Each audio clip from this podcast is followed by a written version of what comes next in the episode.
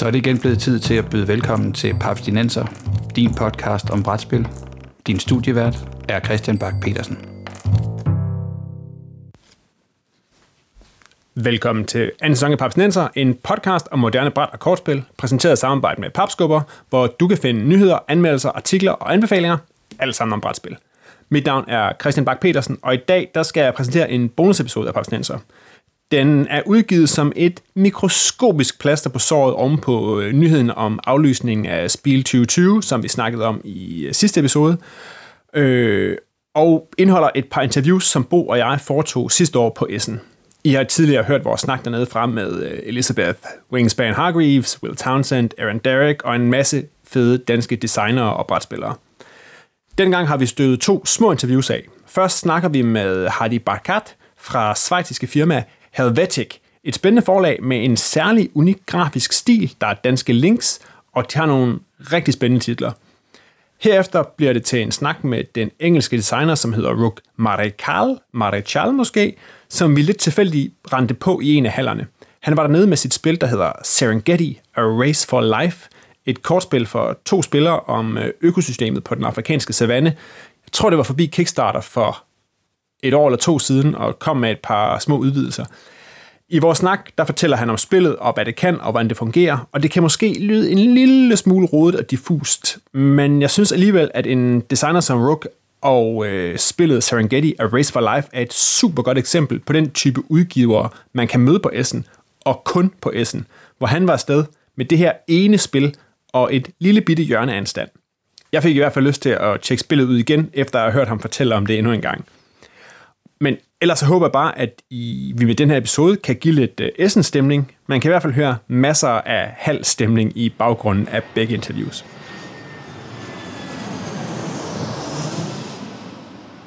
We're at Essen. We're at the first day, and tell me a bit about what, how has you your like the, the first hours of this day been? Oh, it's been non-stop already. I feel like they opened the, the fair at 8 this year. What happened? We've had uh, meetings non-stop. No, it's, it's great. I mean, already I got here Tuesday. We ran like a, a mixer event in a pub. Right. Uh, with publishers and media people. So somehow maybe next year Essen starts on Monday already.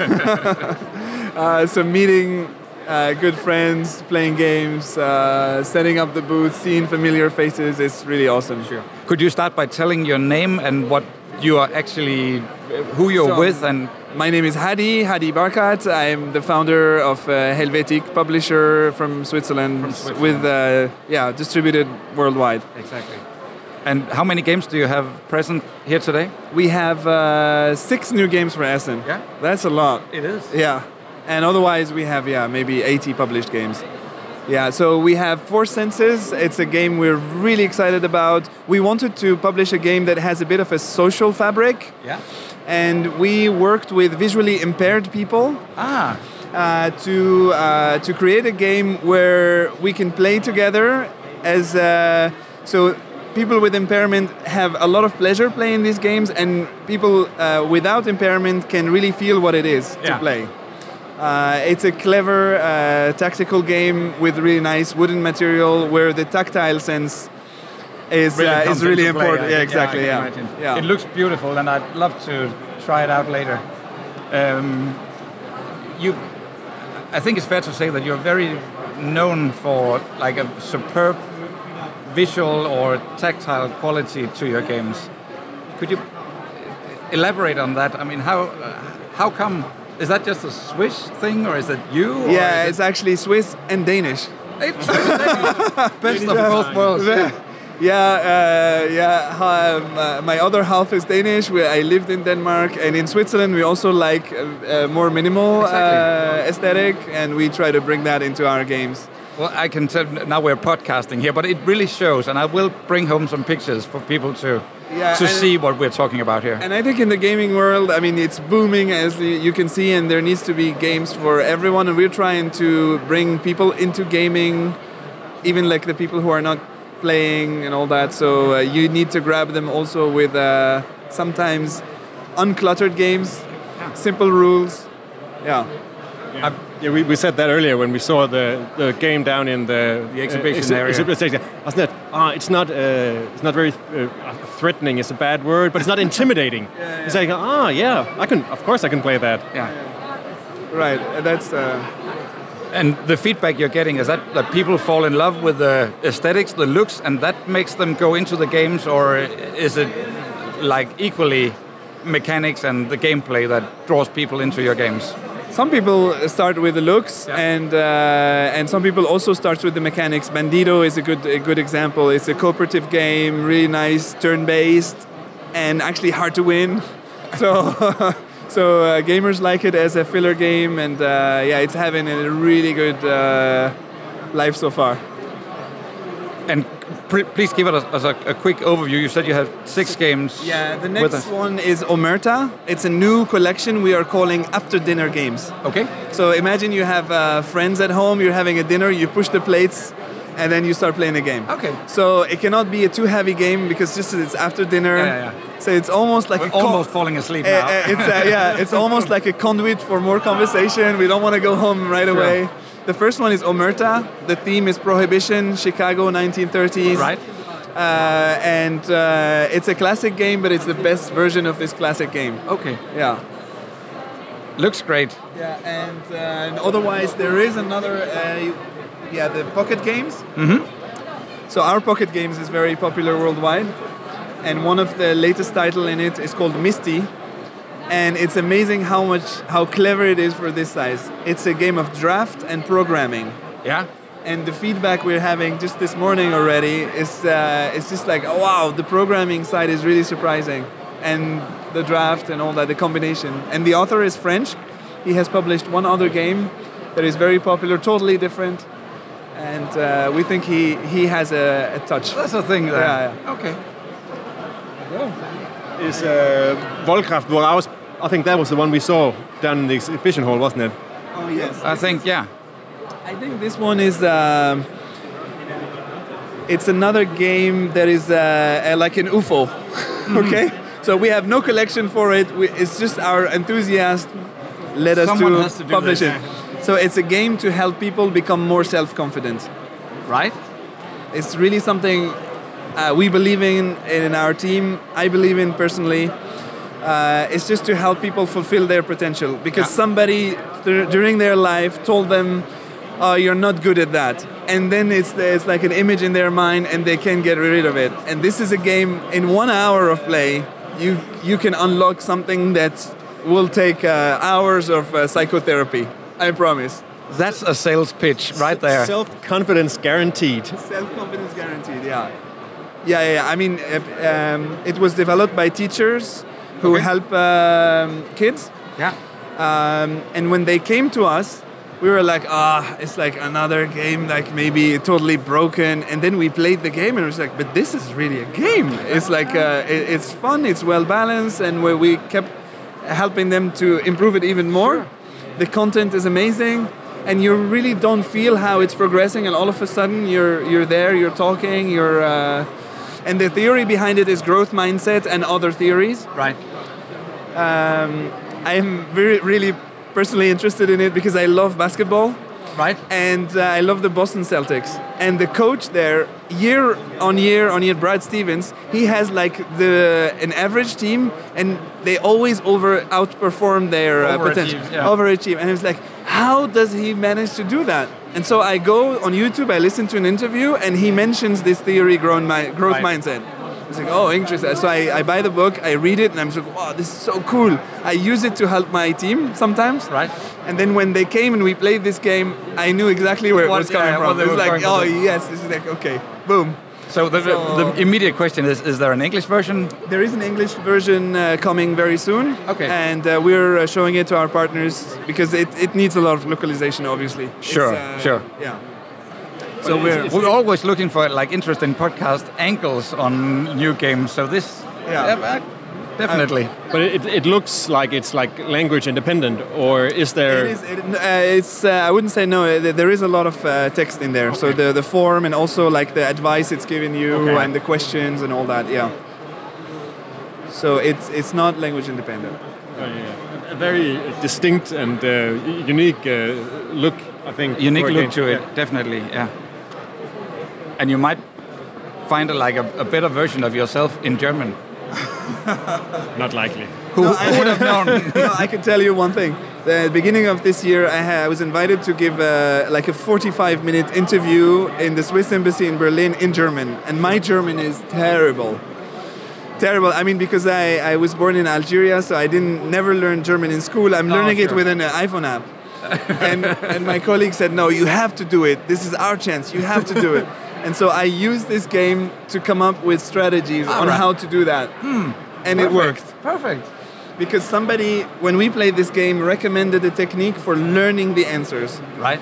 because uh, uh, you know because work is i mean you travel you work and, and he uh, she said oh you should maybe just write down the answer and instead of trying to learn it like this by just visualizing it just write it many many many times Right, right, right. and three four times writing it i learned it and it was like to me like a miracle i discovered something about how i learn in playing this game Perfect. and this is just like yeah after this we had to publish it yeah. it gets so much easier to like being an ambassador and selling a game if you really feel like Yeah. this really works. yeah it does it does i think it's um, and it, it's a feel good situation so you just uh, you sit down you're just uh, it takes you through easy questions in the beginning you don't have to be defensive and then all of a sudden you get into it and boom it works You had me at Vollerkraft voraus.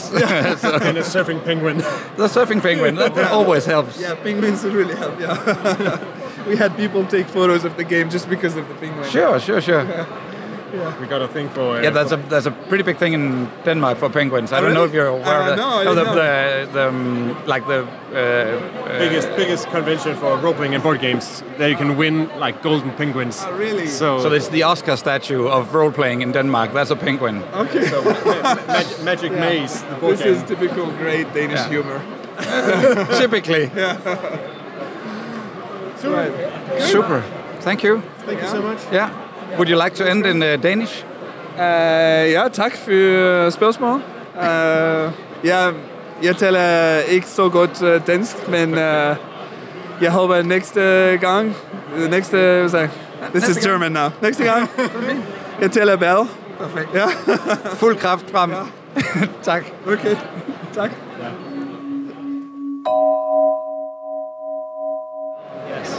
So it's, it's a two-player game set in the African savannah. Yeah. So the players um, uh, impersonate researchers learning about animal behaviors. Yeah. So you start the game with five copies of a card called the trail card, which essentially represent your team and allows you to acquire other cards. Okay. All the other cards in the game, so the animals you can see here, uh, represent information about the animals. Right. And essentially, you use this card to go out in the wild, observe animals, allowing you to take those cards, and eventually you'll get them in your hand and you can play for their specific abilities. So it's a deck building mechanic, Yeah. but it's a majority game. If you approach it as a deck builder, you probably will lose. It's about biodiversity. So what you're trying to do is at the end of the game have a bit of everything, Right. but with an emphasis somewhere. So the skill is basically trying to find the sweet, sp- the sweet spot where you've made an engine, but you're not losing points. Because Right. everything that you acquire from the start of the game, potentially, comparatively to your opponent, represent your points. Yeah. So obviously, if you're just gonna be, just I'm gonna be the antelope and bird guy, eagle guy, then you're gonna get two points Sure. out of 16 possible. So that's why I tend to emphasize that it's a majority game with the deck building mechanic um, at its core. So essentially, all those cards are two cards into one, two functions into one. The top will represent a specific effect, and the bottom represent a specific effect. It's the same with all of the cards. Yeah. When you have a sun depicted to the left of the effect, that means you have to power it up with some energy, tools, or whatever it is. Okay. And the cards themselves serve as a currency. Ah, right. So if you want to produce this basic effect, you need one sun. can- So from your end, you need to select another card Sure. to place face down underneath as basically the payment for it. So I can see some pretty expensive cards just by looking at. Those actually, the, these don't matter in Okay. term in term of acquiring them. Literally you're taking your binocular Right. and you're observing an Yeah. animal. So with this, you can take any card you want. So you can go straight for the elephant. It's only when you have those in your hand that you're going to be choosing the top or the bottom and then Sure. paying those. But if you were to lay this guy down, you would have to pay Yes. a lot yes, of energy. Yes. Sure. But just to make sure it's clear that it's not when you acquire those cards that those sums matter. It's when you want to apply the effect. So, what are you trying to do in the, in the game? Essentially, for all these species of, uh, of research of all these uh, animals, you're trying to get more cars than your opponent, essentially. Yeah. Ideally, just one more because it's one point per animal. So if you overinvest somewhere, that's what I was saying, you're only making one point still. If you've got like there's nine uh, nine animal, even if you got all nine, you're And still going to get the, one point. The tugging mechanism where Yes. you're pulling each other. Yes. Okay. So you're trying to essentially vie for control of all these species of research. The lion is a bit of a specific one because you can either, well, actually, I'm going to go with the, the expensive investment. If you invest four cards, four suns, you can lay in the savannah. It's an open majority for three points. So at the end of the game, whoever controls this has more card than the opponent will earn three points. So it's one point for each animal, including the, the lion in the deck, but he's also worth three points separately. Right. Okay? Now, this is also a part of the scoring, it's in game scoring. So you can use this guy instead of spending four, you spend two, and essentially that represents the animal feeding himself. So he gets a benefit, the nutrient, and so you move that track in your favor. However, eh, he's a lion, so of course he's going to be generating a carcass. So you have to take a carcass. Right. The carcass is not too bad during the game, but if you have more than your opponent, again, everything is relative one to the other. If you got more than your opponent at the end of the game, then you lose two points. So that means that the first time you do this action, you're not actually making a point, you're losing a point. Right. You're making one minus two Yeah. if the game stopped at that point. Yeah. So the idea is that you turn it around and, well, you basically just want to avoid having more carcasses than your opponent at the end of the game. But you can expel them from your deck with the hyena, with one sun in support.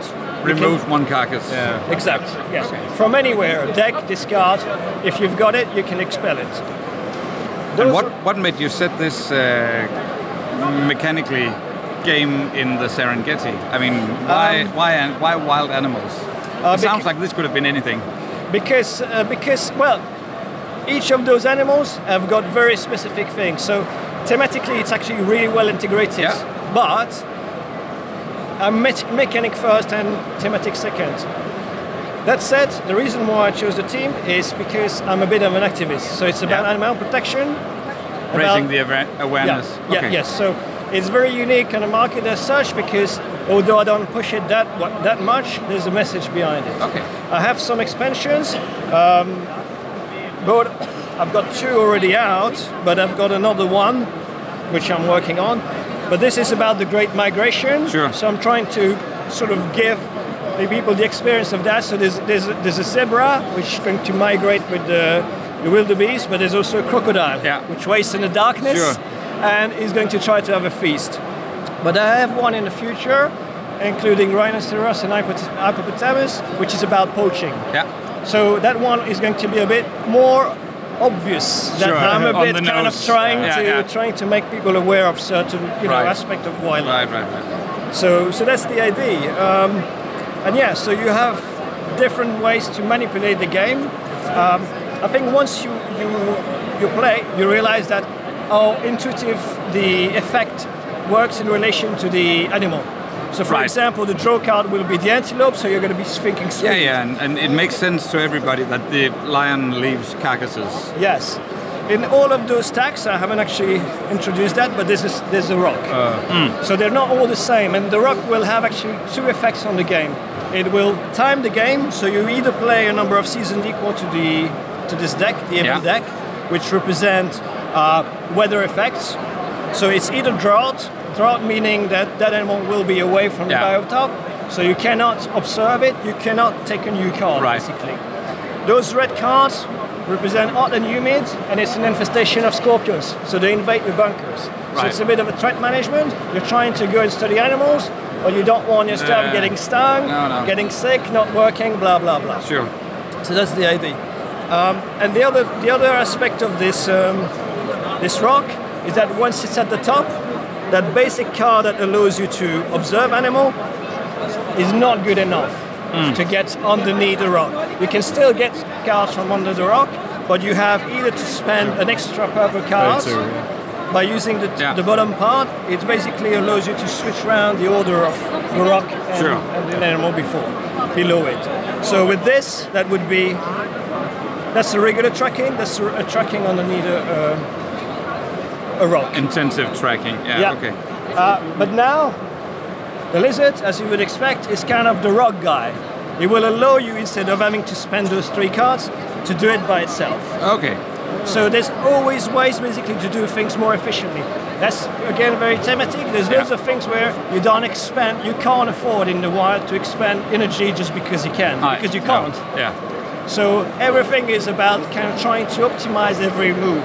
And it's a very short game. It's a maximum of 12 turns. Yeah. Uh, that means that every you maybe get you're going to getting be getting bet- between 25 and 30 actions during a full game. Yeah. So if you can squeeze one here and there and That get 10% more actions big than your opponent, and that's basically what wins the game. The other thing that's kind of important in this game is that you have to pay attention to what your opponent does Sure. especially at the end of the game, when your cards are not going to be used for whatever they do, they're going to be used to tally up compared to your opponent how many Yeah. you have. So it's important to watch from the beginning, and that's the skill. Yeah. Yeah. And the first game is very difficult. Yeah. But you kind of need to know where your opponent is at on this research. Sure. So you know that on the last turn, if you get this rather than that, it's It- because it will it's mean make the difference, yeah. or cancel a point or whatever. Yeah. The other thing which is important is that, well, it's a very small deck. I mean, so that means that I wouldn't say you can't count, but you always know what you have in your hand, and you should really know 95% what, What- your next hand is going to be. Yeah. So it's a very interesting game, I think, because it's very casual. You can sit people that, and they don't think too much about it. They may feel they won or they lost. They don't really, they're not really sure. But if they play again, Yeah. they should know why they lost or Yeah, why yeah, they won. at least. and they should be able to improve and won. Sure. Win, unless they don't want to win. uh, who, who doesn't want to win? Great. That's the idea. Yeah. So there we go. Well, congratulations. And, it's out already, or Yes, it is, it is on the market, so it is uh, distributed now in Germany by uh, Taverna Ludica Games. Yeah. And uh, yeah, and the expansions are coming in, are being translated as we speak, so they should be uh, available in German uh, early next year, I think. Right. Very good, Well- art, very good art and very clear iconography. I think. Oh yeah, definitely. Yeah.